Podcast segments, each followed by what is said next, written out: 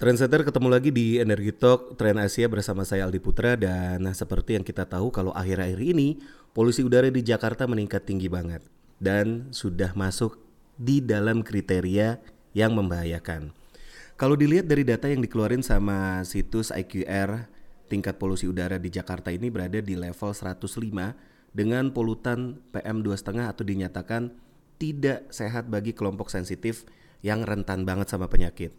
Dan penyebab polusi udara ini bukan cuma dari asap kendaraan bermotor, tetapi juga dari sektor industri yang ada di Jakarta dan juga sekitarnya, serta penyebab yang kadang luput dari perhatian kita adalah bersumber dari PLTU Batubara yang berdekatan dengan Jakarta seperti PLTU Suralaya yang ada di Cilegon dan juga PLTU Babelan yang ada di Bekasi, Jawa Barat. Jadi sebenarnya polusi udara di Jakarta ini tanggung jawab siapa ya? Jakarta atau wilayah sekitar Jakarta? Untuk itu kita akan langsung ngobrol sama teman dari Indonesia Center for Environment Law atau ICEL, Divisi Pengendalian Pencemaran dan Kerusakan Lingkungan, Muhammad Hidala Zuardi atau Elang. Lang, jadi langsung aja nih ya, akhir-akhir ini ngeliat gak sih polusi udara yang ada di Jakarta atau dikirain itu bukan polusi, bisa juga kabut gitu ya. Gimana pendapatnya? Ya, udah mulai kelihatan ya foggingnya. ya, sekilas kayak embun puncak tapi ternyata nggak juga gitu. Waktu itu sempet juga di di di gedung gitu ngeliat ngeliat keluar wah ini ini kelihatan banget kabutnya. Dan itu ngeri juga sih kan. Ini dari visual ya. Hmm. kayaknya nggak realistis untuk kita bilang itu kabut sih. Karena nggak dingin juga gitu kabut kan. Presumably itu iya pencemaran udara. Selain tadi secara visual itu atau secara perasaan nggak dingin. Selain itu ada yang bisa kelihatan nggak sih? Oke, okay. sebenarnya ini menarik juga sih. Kalau kalau di Bogor tuh kita ada jalan jalan tol yang yang dari dari Jagorawi ke Bogor langsung gitu, dekat Yasmin. Itu juga kalau kita lihat sebelah kanan kan, kalau kita ke arah Jakarta itu ada gunung gitu. Dan itu kelihatan kadang-kadang kadang-kadang nggak kelihatan gitu. Nah, sebenarnya idealnya memang kita nggak menebak-nebak gitu. Hmm. Kenapa? Karena idealnya ada data yang accessible dari dari pemerintah ya, terutama untuk pengukuran kualitas udara yeah. saat ini. Kalau bisa real time, paling penting real time-nya sih. Ya tadi kita nggak nebak-nebak gitu. Oke, ada pengukurannya di Jakarta. Saya tahu ada sekitar ada beberapa SPKU, tapi mungkin ya bisa jadi SPKU itu jauh kan dari tempat kita. Jadi ya hmm emang di situ terukur tercemar tapi belum tentu juga kan di daerah kita tercemar gitu. Jadi kita nggak yakin juga. Tapi ketika kita tidak tahu mungkin kayak eh embun nih. Kan dikira embun bisa aja teman-teman ah keluar deh olahraga gitu. Sementara udara yang dihirup saat itu sebenarnya dalam uh, kondisi yang berbahaya. Tapi teman-teman dari ISL ngukur itu gak sih? Atau uh, melakukan penelitian soal itu? Uh, kita nggak ngukur kan. Hmm. karena kita percaya bahwa itu hak informasi yang layak didapatkan oleh warga negara gitu. Hmm. Jadi idealnya bukan kita yang kur, bukan pihak ketiga swasta gitu hmm. atau LSM gitu idealnya bukan gitu yang mengukur gitu. Hmm. Idealnya pemerintah mengukur gitu. Ada beberapa faktor juga sih. Pertama misalnya satu itu akses informasi yang informasi kesehatan kan, kualitas lingkungan, kualitas yeah. kesehatan ya itu ah, minimal informasinya harus disediakan oleh negara. Kedua alat ukur itu bervariasi gitu yang paling ideal kan misalnya SPKU yang sehingga itu itu perlu ada dan banyak teman-teman bisa bisa misalnya mengukur passive sampler gitu hmm. tapi ya bisa jadi datanya tidak seakurat atau cakupan apa yang bisa diukur tidak seluas active sampler yang okay. uh, di, yang yang yang menurut peraturan perundang-undangan idealnya informasi tentang kualitas udara itu di, diukur berdasarkan itu gitu. Yang paling tidak ideal adalah pengukuran manual enam bulan sekali gitu. Hmm. Banyak daerah yang masih seperti itu dan itu tidak ideal gitu karena ya kualitas udara kan berubah secara cepat. Itu satu hal. Kedua bisa jadi akurasinya tidak setinggi nah, tadi ketika kita punya SPKU dedicate. Berarti yang di Jakarta itu cukup ideal atau cukup um, bisa dibilang cukup tepat gitu? Akurat? Akurat iya. Tapi satu hal jumlahnya tidak mencukupi. Saya sangat ingat di gugatan warga negara Jakarta itu ada tuh pembahasan tentang rasio SPKU dengan ininya uh, dengan warganya. Jadi saya lupa angka pastinya berapa tapi kita beberapa kali lipat tertinggal dari uh, keadaan ideal rasio antara SPKU dengan luasan wilayah dengan luasan masyarakat. Ya memang itu langkah yang baik gitu bahwa itu ada itu baik gitu. Karena banyak sekali daerah yang tidak punya gitu ya. itu ada bagus tapi apakah itu sudah ideal? Belum gitu. Jadi itu hal yang idealnya ada dan itu harusnya menjadi sesuatu yang meningkatkan awareness masyarakat juga kan. Oke kan karena kalau dilihat uh, Jakarta ada beberapa banyak ya titik-titik polusi. Kayak misalnya terminal gitu kan atau mungkin uh, beberapa tempat yang biasa dijadikan uh, tempat-tempat ngerokok gitu. Atau mungkin uh, daerah-daerah penyangga juga seperti di Bekasi dan uh, Depok itu kan juga cukup banyak tuh. Berarti memang sampai ke wilayah-wilayah uh, penyangga?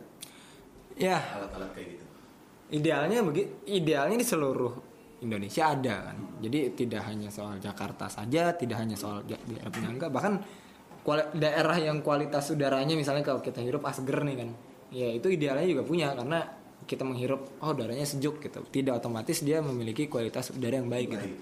Bandung itu kita hirup sejuk kan hmm. dingin gitu. Hmm. tapi beberapa kali pengukuran kualitas udaranya tidak baik gitu.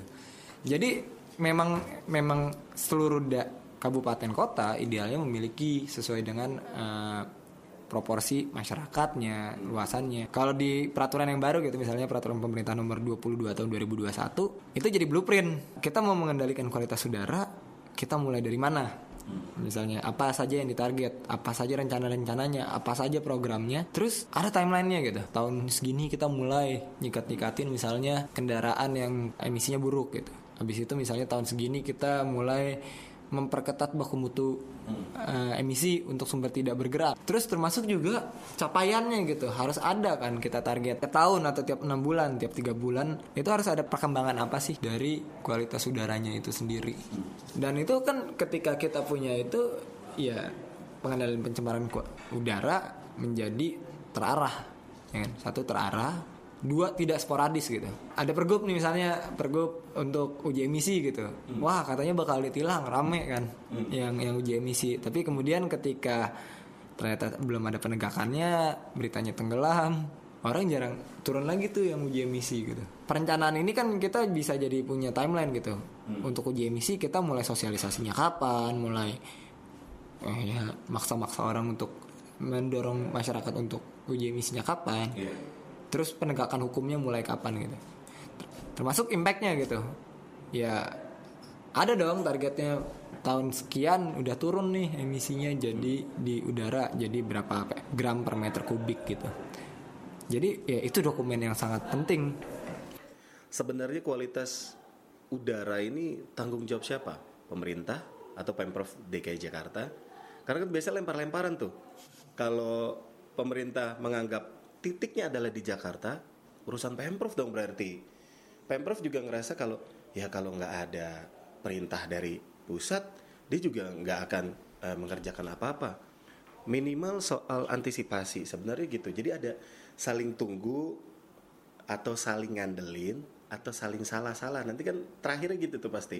Saling salah-salahan gitu. Ngelihatnya seperti apa sih Iya kewenangannya terbagi ya uh, memang kewenangan lingkungan hidup itu ada terbagi di pusat ada di provinsi juga hmm. satu hal itu uh, dan itu agak cukup banyak ya perubahannya di tahun 2021 peraturan pemerintah nomor 22 tahun 2021 gitu hmm.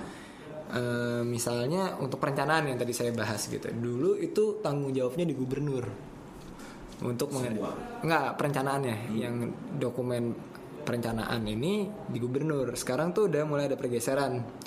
Sekarang itu perencanaannya tuh bisa di level nasional. Okay. Jadi ada namanya rencana perlindungan dan pengelolaan mutu udara itu di level nasional. Di level nasional itu tidak hanya nasional toks Indonesia, tapi bisa jadi lintas provinsi. Kalau zaman dulu dia per gubernur dan pemerintah pusat supervisi gitu. Sekarang pemerintah pusat kan bisa take over juga untuk merencanakan di uh, lintas lintas provinsi.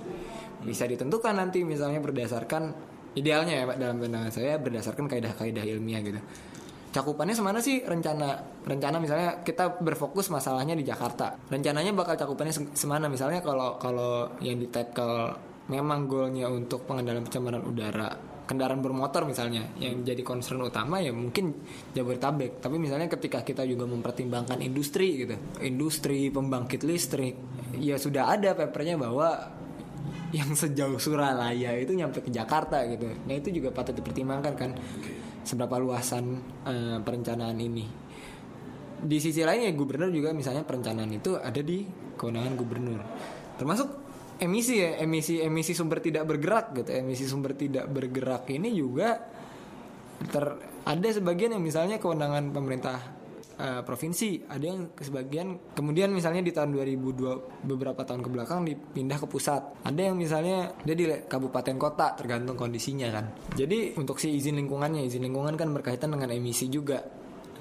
Ya jadi ya emang memang memang itu. Tapi satu hal yang sangat jelas adalah semuanya memiliki kewenangan gitu. Kenapa? Karena kita rasa Jakarta tidak mungkin menyelesaikannya sendiri. Ketika misalnya Banten, Jawa Barat itu tidak terlibat juga, baik misalnya dari sektor transportasi maupun misalnya dari sumber-sumber tidak bergerak, PLTU, industri gitu. Karena udara itu pencemarannya terdispersi. Satu terdispersi jelas gitu. Ya satu jelas misalnya dia dia bisa bergerak gitu. Namanya sumber bergerak gitu. Misalnya saya dari Bogor jalan ke Jakarta. Emisinya yang ikut ke Jakarta kan. Nah bisa juga dia terdispersi gitu. Jadi ketika emisinya tinggi dia terbawa oleh angin partikulatnya sulfurnya NOx-nya sampai ke bahkan ratusan kilometer. Pemprov DKI sempat sosialisasi tentang GDPPU, Grand Design Pengendalian Pencemaran Udara itu ada tuh wali kota, perwakilan dari wali kota Bogor, Tangerang gitu. Tapi provinsi Banten ya saya belum pernah melihat ada progresnya gitu. Komitmen Jawa Barat misalnya ada gitu statement di media oh ya kita kita siap untuk melaksanakannya gitu. Tapi eh, apakah ada yang signifikan? Saya juga masih meragukan gitu mungkin ada masih dalam draft belum disosialisasi. Nurzonnya kan gitu. Insya Insya Allah kayak gitulah ya. Semoga. Kalau DKI misalnya ada ada beberapa progres gitu. Misalnya untuk emisi tuh emisi kendaraan bermotor gitu. Dia sudah ada pergub pergub DKI 66 2020 ya tentang uji emisi dan itu sebenarnya sanksinya udah udah lumayan udah ada gitu sanksi yang cukup konkret gitu. Jadi ada kewajiban uji emisi kalau seandainya nggak uji emisi kita kena tarif retribusi. Nah ini salah satunya yang dalam pandangan saya idenya sudah sangat baik. Bahkan kalau diskusi eh, DKI Jakarta mungkin mereka ada sebagai be- beberapa obrolan misalnya dikaitkan dengan SNK gitu. Kalau kalau kamu tidak lulus uji emisi SNK kamu mahal disinsentif kan. Bayar parkir mahal disinsentif juga tapi ya tadi penegakannya kan belum jalan kan? Kita masih parkir di mana aja 2000 per jam gitu. Iya. Eh, terus misalnya DKI Jakarta itu ada Grand Design pengendalian pencemaran udara gitu. Itu masih dalam draft. Sayangnya emang saya setidaknya sudah dua kali dapat undangannya gitu lembaga Excel dan udah eh, mengikutinya kita. Nah tapi agak disayangkan karena misalnya draft grand design-nya kita belum bisa mengakses secara utuh. PowerPoint-nya ada gitu, PowerPoint-nya ada. Tapi akses eh, draftnya secara utuh tuh belum. Padahal kan kalau kita kalau kita eh, menilai misalnya draft kebijakan itu baik atau tidak kan kita perlu naskah akademisnya. Misalnya itu disusun kan berdasarkan inventarisasi. Inventarisasinya kita juga belum belum dapat utuhnya gitu. Misalnya kayak contohnya di presentasinya misalnya target penurunan PM 2,5 gitu. 41% dibandingkan BAU, business as usual gitu. Nah, ini juga jadi pertanyaan kan. Satu dengan kualitas udara Jakarta yang sekarang ku- 41% itu masih di atas baku mutu gitu di 2030. Kedua, BAU-nya itu apa gitu? Business as usual-nya itu apa? Kalau seandainya kayak contohnya di iklim ya, kebijakan iklim kan dia penurunan emisi GRK sekian persen dari BAU. Tapi BAU-nya asumsinya tinggi banget. Jadi sebenarnya kalau di iklim kita lihat saking tingginya BAU effortnya tidak sebesar itu juga akan tercapai gitu jangan jangan sampai karena namanya BAU BAU-nya dibikin sangat tinggi Seolah-olah. seolah-olah jadi turun Ka- kalau kalau saya berharap ada absolute numbernya lah. Pemerintah pusat juga ada ada beberapa kebijakan terbaru. Misalnya SPKU itu diupdate SPKU itu diupdate peraturannya. Walaupun tadi ya misalnya apakah SPKU-nya ada atau tidak misalnya di Bekasi atau Jakarta itu masih menjadi kendala lah. Tapi ada peraturannya untuk mempermudah masyarakat mengetahui gitu goalnya itu. Kedua misalnya ada beberapa pengetatan baku mutu emisi Iya. Walaupun itu diperdebatkan ini cukup ketat atau enggak 2019 PLTU kan ini sebelum sebelum sebelum gugatan sebelum putusan ya itu diketatkan. Baku mutu udara ambien sebelum putusan kalau nggak salah sudah diketatkan. Tapi apakah itu sudah ideal kan jadi pertanyaan gitu. Karena amanat putusannya ya baku mutu udara ambien itu berdasarkan eh, kajian ilmiah gitu satu kita belum nah, satu kita belum dapat kajian ilmiahnya. Kedua itu ada kajian ilmiah rekomendasi BMUA tapi itu dari WHO gitu. Dan itu yang yang ditetapkan pemerintah sangat jauh dari itu. Oke udah ada sosialisasi udah ada mungkin ada ada draftnya.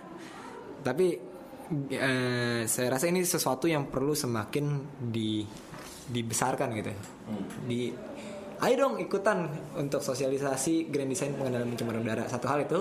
Kedua saya saya rasa yang yang teman-teman yang yang protes di Twitter yang yang yang yang foto-foto di Twitter gitu atau di Instagram gitu kalau langit udara tidak bersih saya ngajak untuk ini nih juga ayo kita tuntut gitu. Mana nih peraturan menterinya nih untuk RPPMU mana nih outputnya RPPMU mana nih grand design pengendalian pencemaran udara? Nah itu hal yang yang saya rasa bisa banget kita tuntut gitu. Dan bahwa bahwa pemprov menyusun draft grand design bahwa eh, presiden mengamanatkan rencana pengendalian pencemaran udara ya ya saya rasa ketika kita tuntut toh tuntutannya kan sama gitu dengan tuntutan peraturan dan arahan kebijakan yang mereka susun.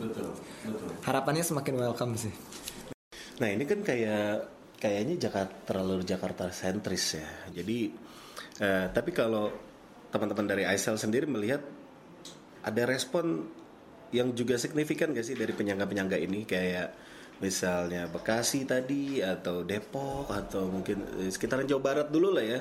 Kalau kita kalau kita coba breakdown gitu. kemarin saat sosialisasi Grand Design pengendalian pencemaran udara eh, pemprov DKI mengutarakan bahwa kita ada rencana gitu untuk kerjasama dengan kalau nggak salah yang udah oke tuh Bekasi sama Tangerang tapi tapi Tangerangnya saya lupa Tangerang yang mana untuk eh, ini pengendalian pencemaran udara Jakarta kenapa karena kan tadi motor nyampe ke Jakarta, mobil nyampe ke Jakarta juga kan. Ada kali berapa juta orang Bogor, Bekasi, Tangerang ini nyampe ke Jakarta untuk kerja, termasuk juga nyumbang GDP di Jakarta. Jadi saya rasa itu inisiatif yang sangat baik. Nah untuk untuk kawasan penunjang ini ya, penunjang nggak sih bilangnya? Ya itu ten- penyangga. lah. ya. Itu tentu pak perlu juga dikoordinasi oleh eh, pemerintah pusat, bisa kementerian. Dan kementeriannya bisa jadi bukan hanya satu yang harus pusing gitu. Oke misalnya eh, contoh ya. Eh, untuk pancanan pengendalian pencemaran udara untuk peningkatan kemampuan teknis pengendalian pencemaran udara sumber tidak bergerak. Mungkin itu KLHK gitu tapi kan misalnya kita bisa bisa mendorong atau misalnya untuk uji emisi itu KLHK tapi kan kita sat- satu sisi itu tapi kita bisa juga kita bisa selalu bisa untuk mendorong emisinya untuk diperketat tapi kalau mobilnya tetap tambah banyak Iya, secara kumulatif ya mungkin dia akan menciptakan masalah baru gitu. Nah, mungkin Kementerian Perhubungan juga harus in charge di situ. Terus eh, gimana caranya? Kalau menurut saya secara subjektif nih, ya, saya pribadi, transportasi publik itu enak kalau kita udah nyampe Jakarta gitu. Sepakat gak nih orang Bekasi ini? Saya dari Jaksel, dari Jakarta ke arah selatan gitu. Kalau saya malah kebalikan, seharusnya tidak ada transportasi eh, publik menuju ke Jakarta. tapi tapi poinnya adalah jangan sampai nih ka- ka- kalau saya ngerasanya gini kan eh, transportasi di kawasan penyangga ini tidak senyaman Jakarta. Ya udah ki- kita bawa kita bawa motor nih sampai kalau tempat saya paling dekat Lebak Bulus gitu. Kita bawa motor sampai Lebak Bulus. Abis ini kita ya udahlah naik kendaraan sampai Lebak Bulus kayak ah nanggung lah nih sampai kantornya lah sekalian gitu kan. Ya jadi kayak gitu kan bawaannya. Jadi gimana misalnya kawasan penyangga ini dapat akses transportasi publik yang baik, menyusun itu agar ter- terintegrasi dengan busway patut di- diapresiasi kan, MRT pas patut diapresiasi, LRT patut oke gitu eh, untuk eh, memindahkan masyarakat termasuk KRL gitu. Tapi kawasan penyangga ini untuk sampai ke transportasi transportasi publik itu bisa jadi misalnya nyambung naik angkotnya dua tiga kali kan. Tapi kalau dari eh, Aisel sendiri, apakah juga pemerintah ini mengira polisi ini hanya seputar kendaraan bermotor? Apakah dia tidak mengingat bahwa di dalam polusi itu juga ada banyak permasalahan? Gitu. Jadi konsentrasinya lebih menebal ke mana lang? Untuk penanganan. Wah, saya tidak bisa membaca pikiran orang sih ya. tapi tapi satu hal kalaupun dibilang dari kendaraan bermotor saja Kesannya kan konsennya kayaknya begitu polusi adalah kendaraan bermotor, uji kir, terus eh, eh, misalnya pembatasan dan lain-lain. Tapi kan misalnya PM dua setengahnya nggak ke sebut, ya kan? Terus permasalahan-permasalahan lain juga nggak kesebut sampai ke masalah penyakitnya loh. Nggak, mereka nggak mau bertanggung jawab di titik itu. Mereka hanya ngerasa bahwa Oh, polusi udara ya. Oke, ini karena kendaraan bermotor. Ini kita udah beresin ya, masyarakat ya. Ini PM 2 setengahnya menyebabkan banyak penyakit eh, kronis dan juga eh, misalnya penyakitnya sendiri. Apakah sampai ke situ? kalau kalau misalnya Pemprov DKI Jakarta yang saya lihat memang sangat banyak perhatiannya ke kendaraan bermotor. Dan itu memang satu hal bisa dijustifikasi gitu. Karena inventarisasinya juga menunjukkan untuk banyak parameter itu kendaraan bermotor itu cukup dominan. Terutama di Jakarta. Mungkin sulfur itu banyak dari industri kan. Tapi NOx PM itu sangat banyak di Jakarta dari kendaraan bermotor. Tapi kalau di nasional justru oke misalnya kita udah ada kenaikan dari terakhir diesel ya walaupun itu sempat ditunda. Diesel itu harusnya 2019 tapi ditunda. Udah Euro 4 walaupun itu juga ketinggalan sekitar dua generasi dibandingkan misalnya India aja udah setara Euro 6 gitu. Eh, justru untuk indus untuk kendaraan bermotor ini agak agak sedikit tertinggal gitu baku mutu emisi kendaraan bermotor lama itu udah udah lama banget gak diupdate. Eh, jadi mungkin beda eh, pusat dan daerah mungkin beda concern juga. Tapi eh, juga ketika kita bahas Jakarta penting juga untuk melihat bahwa emisi yang di Jakarta itu tidak hanya tadi balik lagi tidak hanya bersumber dari kendaraan bermotor yang lalu lalang di Jakarta atau menuju Jakarta gitu pencemaran udara lintas batas itu tidak hanya motor datang ke Jakarta itu pencemaran udara lintas batas. Tetapi juga misalnya tadi PLTU dari Suralaya dari Labuan. Itu ternyata nyampe loh ke Jakarta dan ternyata itu signifikan.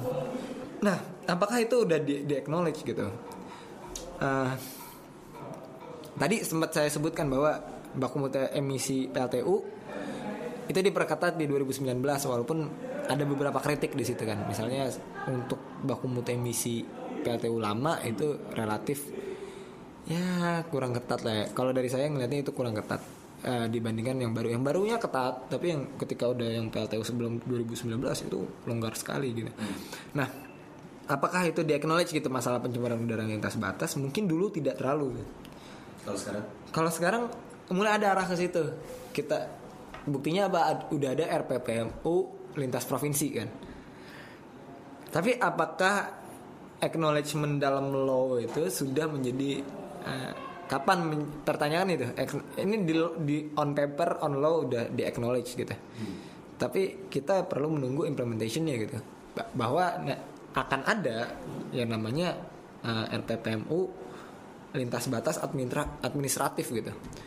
Eh, RPPMU yang mengatur misalnya Jakarta, Banten, Jawa Barat atau misalnya segalanya Jawa Barat ya. Hmm. Dan Jawa Barat. Jabodetabek gitu. Ya tergantung tadi balik lagi. Saya bukan saintis yang bisa langsung bilang bahwa oh ini harus luas ini loh RPPMU-nya karena itu kan kita perlu data hard science kan. Tapi yang saya bisa sampaikan adalah kita tahu bahwa kita perlu menyusun hard science untuk menentukan luasan si RPPMU ini yang itu harus disusun gitu. Baru nanti ketahuan. Baru nanti ketahuan. Dan satu lagi, bagaimana penyusunannya itu harus partisipatif gitu loh. Jangan sampai ini jadi dokumen teknokratis tok. Karena apa yang yang di di direkomend saintis Iya. belum tentu applicable di masyarakat gitu. Misalnya kita misalnya oh kita mau ngelarang kendaraan bermotor, tapi ya tadi Iya. bisa jadi Semua pakai kendaraan bermotor. Yes. Bisa jadi emang kenapa dia menggunakan itu karena minim alternatif gitu. Nah, bisa arahnya ke situ emang. Tapi yang pa- partisipasi publik ini juga kan jadi tes ombak gitu. Sejauh mana sih masyarakat bisa menerima kebijakan ini? Karena patut diakui pengendalian pencemaran udara itu ya juga akan berdampak ke masyarakat gitu loh. Betul. ada ada aspek-aspek kehidupan kita yang kita sangat nyaman gitu. Misalnya perokok gitu ngerokok. Menggunakan kendaraan bermotor naik motor gitu mungkin yang akan dibatasi. Jadi orang-orang yang dibatasi ini termasuk saya dan anda juga ya idealnya kan bisa memberikan pandangan ikhlas nggak sih kalau misalnya oh ya tiap tahun STNK-nya harus uji emisi dulu ya kan harus dicek juga gitu J- jangan sampai asal idenya bagus secara ilmiah bagus goalnya bagus in tapi ya. tapi ternyata masyarakatnya nggak ready. Nah, ini juga ketika sosialisasi ini baik gitu, masyarakat aware gitu. Oh, pemerintah emang emang menyusun ini untuk kebaikan kita juga. Jadi ada penerimaan dari masyarakat. Ini kita terlibat merasa memiliki juga kebijakan ini, sehingga ya penerimaannya lebih baik. Atau mungkin juga masyarakat juga bisa memberikan masukan gitu. Apa sih yang yang perlu ada? Oke misalnya oke pak kita siap. Kendaraan bermotor dikurangi tapi misalnya coba dong Transjakartanya sampai Bekasi gitu. Bisa jadi kan kayak gitu rekomendasinya nanti. Eh, ada banyak hal termasuk misalnya eh, targetnya gitu. Dari masyarakat merasa eh, oh ini kayaknya kita juga perlu meninjau misalnya keberadaan industri-industri yang bakar batu bara di sekitar Jakarta. Itu perlu ditinjau gitu. Nah input-input seperti itu kan sangat diperlukan. Jadi kita semuanya tahu udaranya tercemar tapi semuanya tahu ada yang harus dikorbankan tapi semua karena semuanya merasa memiliki enak gitu kan flow-nya Nah, selama ini ya saya belum belum bisa menilai karena RPPMU ini kan belum ada. Kita belum punya loh di Indonesia sebuah dokumen untuk merencanakan pengendalian pencemaran mutu udara gitu. Kita belum punya di Indonesia. Nah, tapi kalau misalnya kita kita ngobrol konsep ini kan nggak baru gitu, nggak baru di dunia gitu. Kayak AMDAL, AMDAL tuh nggak baru di dunia. Indonesia kita nerapin tahun 84 itu udah dari beberapa puluh tahun sebelumnya ada di negara-negara yang lebih maju Amerika Serikat di Eropa itu di, sudah diterapkan sama. Pengendalian pencemaran udara harus terencana. Ini sebenarnya juga nggak baru gitu. Di di Clean Air Act 1970 itu eh, jadi di Amerika Serikat ini sudah sejak 1970 gitu. Ada amanat ini. Nah di Indonesia kalau nggak salah pertama kali muncul kan tahun 99 gitu. Walaupun outputnya belum ada sampai sekarang. Nah di Amerika Serikat di mana itu dilaksanakan dan itu udah ada outputnya gitu. Udah ada RPPMU-nya lah RPPMU-nya orang sono bilangnya SIP State State Implementation Plan. Iya salah satu kuncinya adalah ya tadi masyarakat harus ber- berpartisipasi dan dilibatkan. Bukan bukan kayak partisipasi publik itu kayak oh kita udah ada pengumuman datang syukur. Enggak nggak apa-apa gitu. Tapi ada rangkulan untuk menarik masyarakat untuk untuk terlibat. Dan semakin bagus partisipasi publiknya itu semakin bagus juga outputnya. Semakin diterima juga oleh masyarakat apabila ada yang harus yang mereka korbankan gitu. Kita biasa naik motor nggak nggak pernah uji emisi nggak nggak kita rawat motor kita. Kan kita- ada pengorbanan juga untuk misalnya ngerawat motor gitu. atau misalnya bahkan beralih ke kendaraan umum. Nah tapi satu hal yang pasti adalah dengan dengan dengan kondisi yang sekarang yang bisa jadi kan RPPMU Jakarta ini jadi RPPMU pertama Indonesia gitu ya kan?